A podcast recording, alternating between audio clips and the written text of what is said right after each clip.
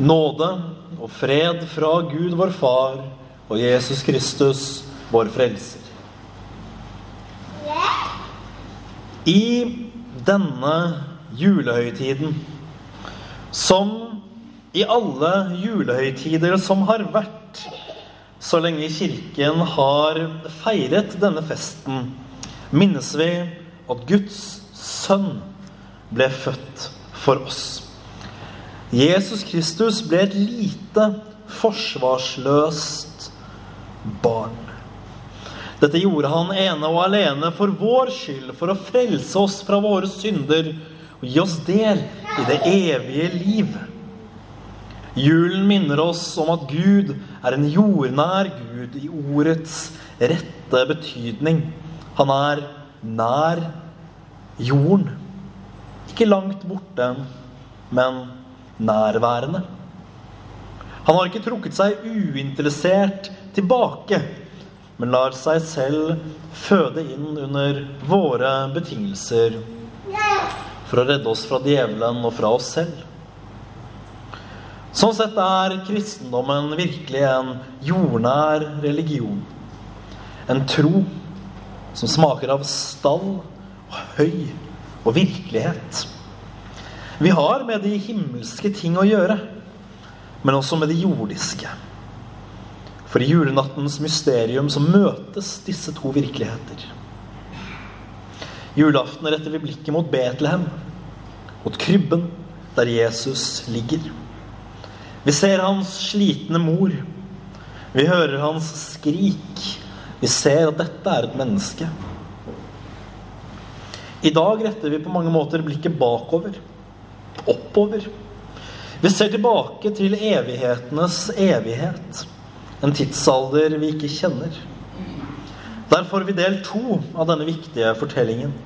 Vi ser hvem dette barnet er. Og vi ser at han er Gud. Det var nødvendig, viktig, at den som skulle frelse oss mennesker, var både Gud og menneske. Det er han. Og det har Kirken bekjent siden dens begynnelse. At det vesle barnet i krybben er den evige Gud, er vårt største mysterium. Ja, større finnes det ikke i hele verden. Men det er dette mysterium som gjør at vi kaller Jesus for Herre og Frelser. Og som gjør at vi med høytidelig glede kan reise oss og synge høytidsverset en frelser er oss født i dag, på nummer 41 i salmeboka.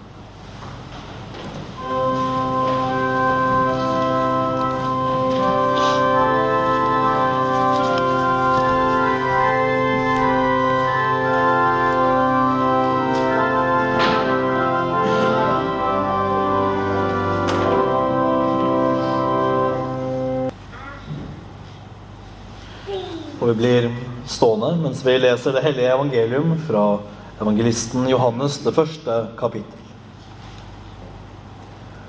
I opphavet var Ordet. Ordet var hos Gud, og Ordet var Gud. Han var i opphavet hos Gud. Alt vart til ved Han, og uten Han vart ikke noe til. Det som vart til i han, var liv, og livet var lyset for menneska. Lyset skin i mørket, og mørket har ikke overvunnet det. Et menneske sto fram, utsendt av Gud. Navnet hans var Johannes. Han kom for å vitne. Han skulle vitne om lyset, så alle kunne komme til tru ved ham. Han sjøl var ikke lyset, men han skulle vitne om lyset. Det sanne lyset som lyser for hvert menneske, kom nå til verda. Han var i verda, og verda ble til ved han, og verda kjente han ikke. Han kom til sitt eget, og hans egne tok ikke imot ham. Men alle som tok imot ham, de gav han rett til å bli Guds barn de som tror på navnet hans. De er ikke født av kjøtt og blod, ikke av menneskevilje og ikke av manns vilje, men av Gud. Ordet ble menneske og tok bostad mellom oss. Og vi så hans herligdom, en herligdom som den enebårne sønnen har fra far sin, full av nåde og sanning. Slik lyder det hellige evangeliet.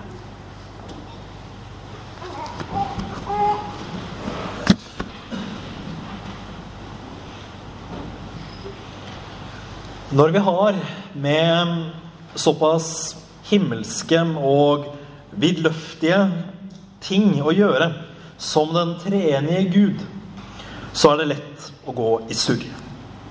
Det forstår jeg godt, og jeg merker det selv. Hvordan henger alt dette egentlig sammen? Ved første øyekast så kan evangelistens ord virke uoverkommelige. Men egentlig så er de nøkkelen til å forstå hele vår tro.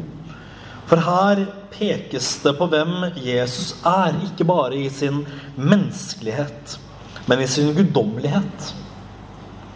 Kanskje tenker vi oss at Jesus på et eller annet tidspunkt ble Guds sønn. Som om han ikke alltid hadde vært det. Og dette er i så fall ikke helt riktig.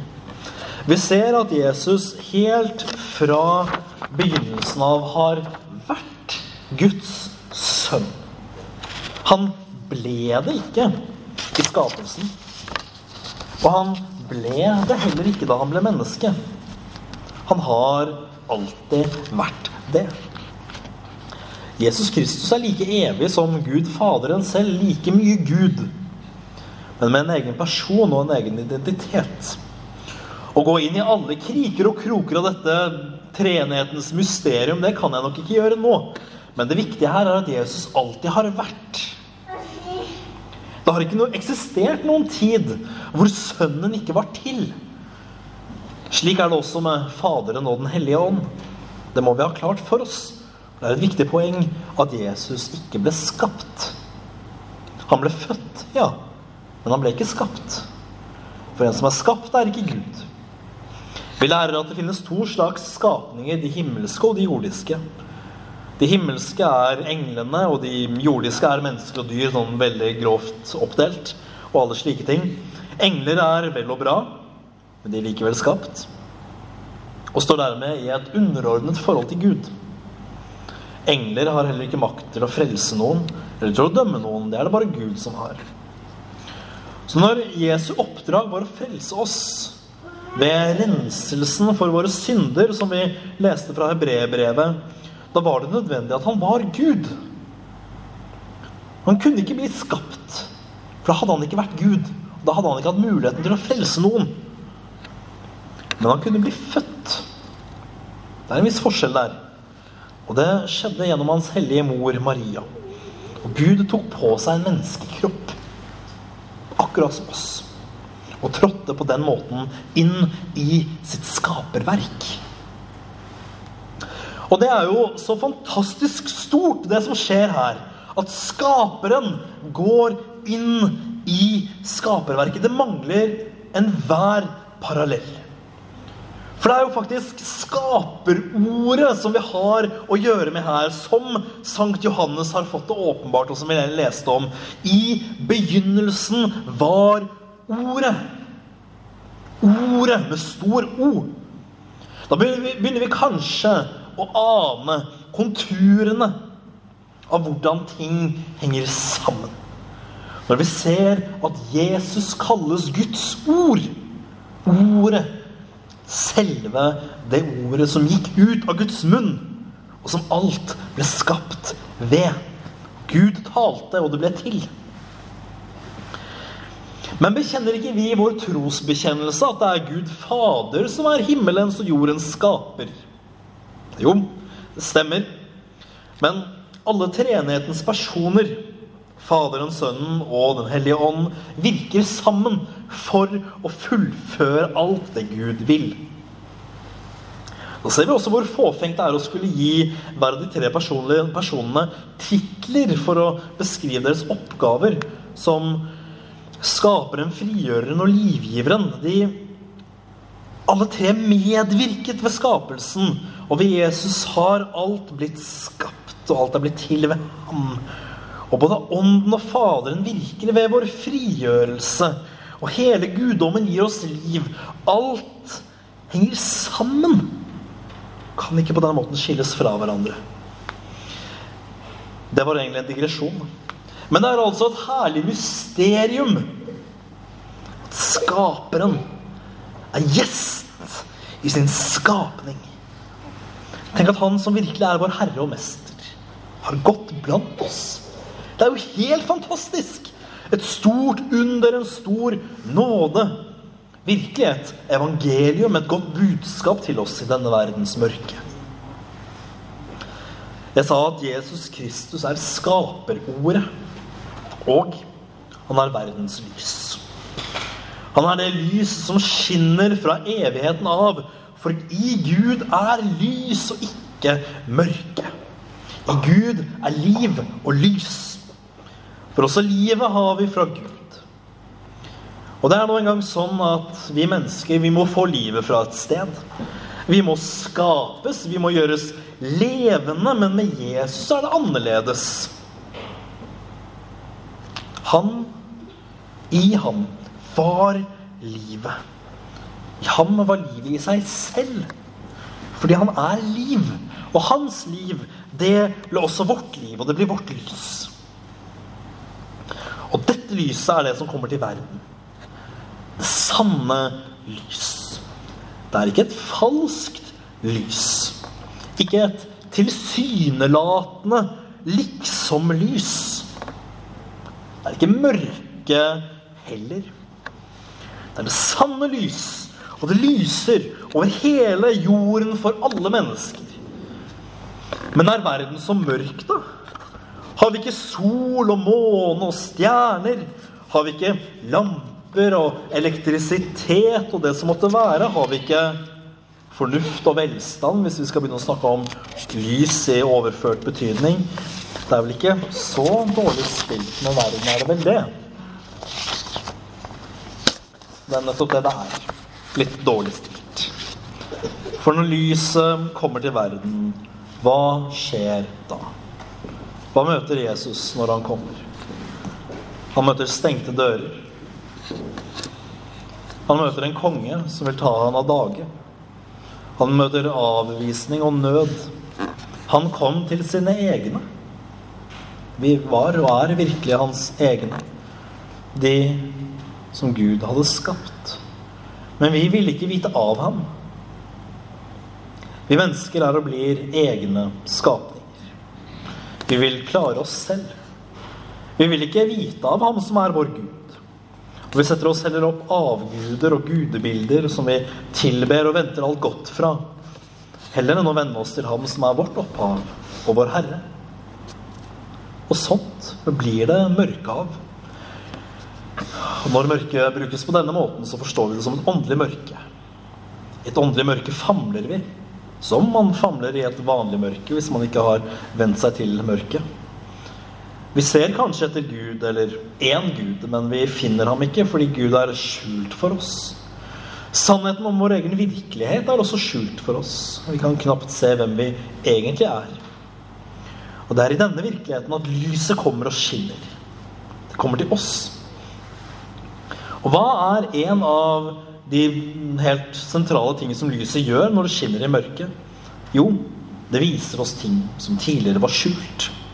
Det lyser. Det åpenbarer. Det er ikke et ord man bruker sånn i det daglige. At hvis jeg skrur på lyset og ser at oi, der ble, uh, der ble gulvet åpenbart. Men uh, dere skjønner hva jeg mener. Lyset åpenbarer. Det opplyser. Så vi kan se klart hvordan ting virkelig er og ser ut. Det første som blir åpenbart for oss, er hvem vi er. Dersom man surrer rundt i sitt eget mørke, da, ja, da er det lett å leve på en løgn. Det er få mennesker du vil høre si at de er perfekte. Heldigvis. Men det er også ganske få du vil høre si at de egentlig ikke er så veldig bra mennesker. Med mindre de har gjort noe skikkelig, skikkelig ille. Men hva er det som skjer når det himmelske lyset kommer og lyser på våre handlinger? Alt smått og stort. Ting vi har forsøkt å gjemme bort. Ting vi helst så at ingen andre visste om. Men Gud vet, og Gud ser. Han ser alt for hva det er. Og i evighetens, evighetens lys så blir det klart at vi kanskje ikke var så gode mennesker som vi kanskje trodde vi var. Vi sender onde blikk, onde tanker. Vi er late og vi rir oss unna. Vi er harde mot våre medmennesker og driver all slags ondskap med baksnakkelse og det som måtte være. Små ting kan det virke som for oss, men etter Guds hellige målestokk er det alvorlige overtramp. Vi må huske på at vi er Guds barn. Ja. Men det er også alle andre som trøster seg til Kristus og tror på ham. En bok jeg leste en gang om, om ekteskapet, la fram at man praktisk talt får Gud som svigerfar når man gifter seg. Det er litt av en svigerfar. Og tanken var jo å legge leseren på sinne og behandle sin ektefelle godt. Når alle har Gud til far, så skal ikke vi tenke at vi automatisk går fri fra ondskap mot hans barn, hans barn og tjenere, bare fordi vi også er hans barn. Gud er en hellig og rettferdig Gud og vil ikke tillate konsekvensløst at hans barn lider urett. Dette skal vi ha klart for oss i møte med alle mennesker. Så dette lys, det viser oss altså klart hvem vi er. Uten filter, ute av skyggene. Ingenting å gjemme seg bak. Dette er nok hovedgrunnen til at lyset ikke tåles i verden. At folk ikke vil vite av Jesus. Når våre gjerninger er mørke, ja, da vil vi kanskje helst at de skal forbli i mørket, så ingen kan se dem. Aller minst han som vil dømme gjerningene. Det har blitt sagt i ateistkretser at religion er eventyr for de som er mørkredde. Jeg vil nå heller si at ateisme er eventyr for de som er lysredde. Vi kan ikke gjemme oss for lyset for alltid. Og det bør vi heller ikke gjøre. For når ting kommer fram i lyset, selv våre ondeste tilbøyeligheter, hvor grusomme de enn måtte være, da kan vi bøte på dem. Er de skjult, blir det bare verre. Er de framme i lyset, kan vi gjøre noe med dem. Jesus kom ikke for å åpenbare våre synder, at vi ikke er perfekte mennesker, bare for å peke og le og gjøre narr så må vi være helt udugelige mennesker, og Jesus kommer bare for å erte oss. Det er jo ikke sånn han er. Nei, han kom for å rense oss fra våre synder, ta dem på seg og tilgi oss. Jesus er jo ikke kjip. Men da ser vi også hva den andre tingen dette lyset åpenbarer, er. Hvem Gud er. For det er jo heller ikke åpenbart. Det må åpenbares og vises oss. At det finnes mange religioner i vår verden, er jo et vitnesbyrd om dette. Vi lengter etter en vi aner at er der ute. Men før han viser oss hvem han er, så kan vi bare gruble og gjette. Svært sjeldent treffer vi. Det er nå sånn det er. Men i Bibelen, gjennom Jesus Kristus, har Gud vist oss hvem han er. Jesus viser oss Gud, og slik Jesus er, slik er Gud. For tidligere har Gud gitt oss åpenbaringen i bruddstykker gjennom sine profeter, men Jesus kom med den hittil mest fullstendige åpenbaringen for å vise oss Guds vesen. Vi står ikke på bar bakke med en vag religiøs lengsel og prøver å finne ut hvordan ting henger sammen. Vi kan lese tydelig hvem Gud er, og hva han vil i Bibelen. Det er åpenbaringen. Men åpenbaringen må liksom åpenbares, den også, hvis det gir mening. Poenget er at hvis vi bare leser Bibelen som en god historie uten åndens ledelse, da vil vi heller ikke få et godt bilde av hvem Gud er. Ser vi en kjærlig, mild fader? Eller ser vi en hard og streng dommer? Dette er den store forskjellen, og som må åpenbares. Ja, Gud er en dommer. Gud er en rettferdig dommer. Men uten det sanne lys ser vi kanskje bare en urimelig straffer som gleder seg over straff og ødeleggelse. Dette er ikke Bibelens Gud, men det er slik mange ser ham. Nei, det himmelske lys, det skinner også her. Og viser oss Gud slik han virkelig er. Mild, kjærlig, full av nåde, tilgivelse og sannhet. Gud tåler ikke det onde. Men han ville heller ikke bare la oss gå til grunne. Nei, av så stor kjærlighet og uendelig visdom lar han oss få frelse og evig liv ved troen på Jesu offer på korset og hans herlige oppstandelse og himmelfart. Og når vi ser alt dette, da ser vi det slik det skal være virkelig. Vi ser hvorfor julens budskap er viktig, også i vår tid. Først ser vi at vi kommer til kort overfor Guds lov og bud, og at Gud vil straffe synden. Men vi stanser ikke der, gudskjelov. For Guds virkelige herlighet, den ser vi i det vi ser hvordan han handler med oss mennesker. Han, bare, han lar oss ikke bare nådeløst gå til grunne, men han forordnet fra evigheters evighet. En måte som vi kunne få oppreisning og nåde på, slik at vi i all evighet kan få være der Han er. I Hans rike. Og dele denne glede med ham. Og det er jo dette som er julens budskap. At lyset kommer til verden.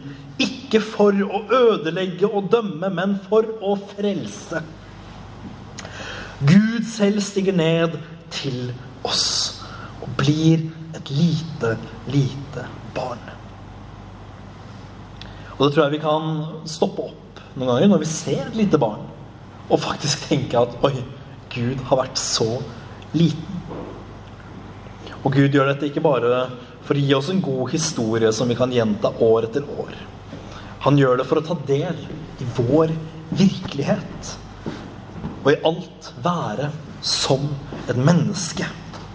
Og til sist ta på seg alle våre synder. Han har fart opp til himmelen, og en dag når tiden er inne, kommer han igjen for å hente oss til seg. Og i all evighet skal vi få være der han er, og tilbe ham i hans rike. I en verden som er hel og perfekt, slik den var tenkt til å være. Ære være Faderen og Sønnen og Den hellige ånd, som var, er og blir en sann Gud fra evighet og til evighet. Amen.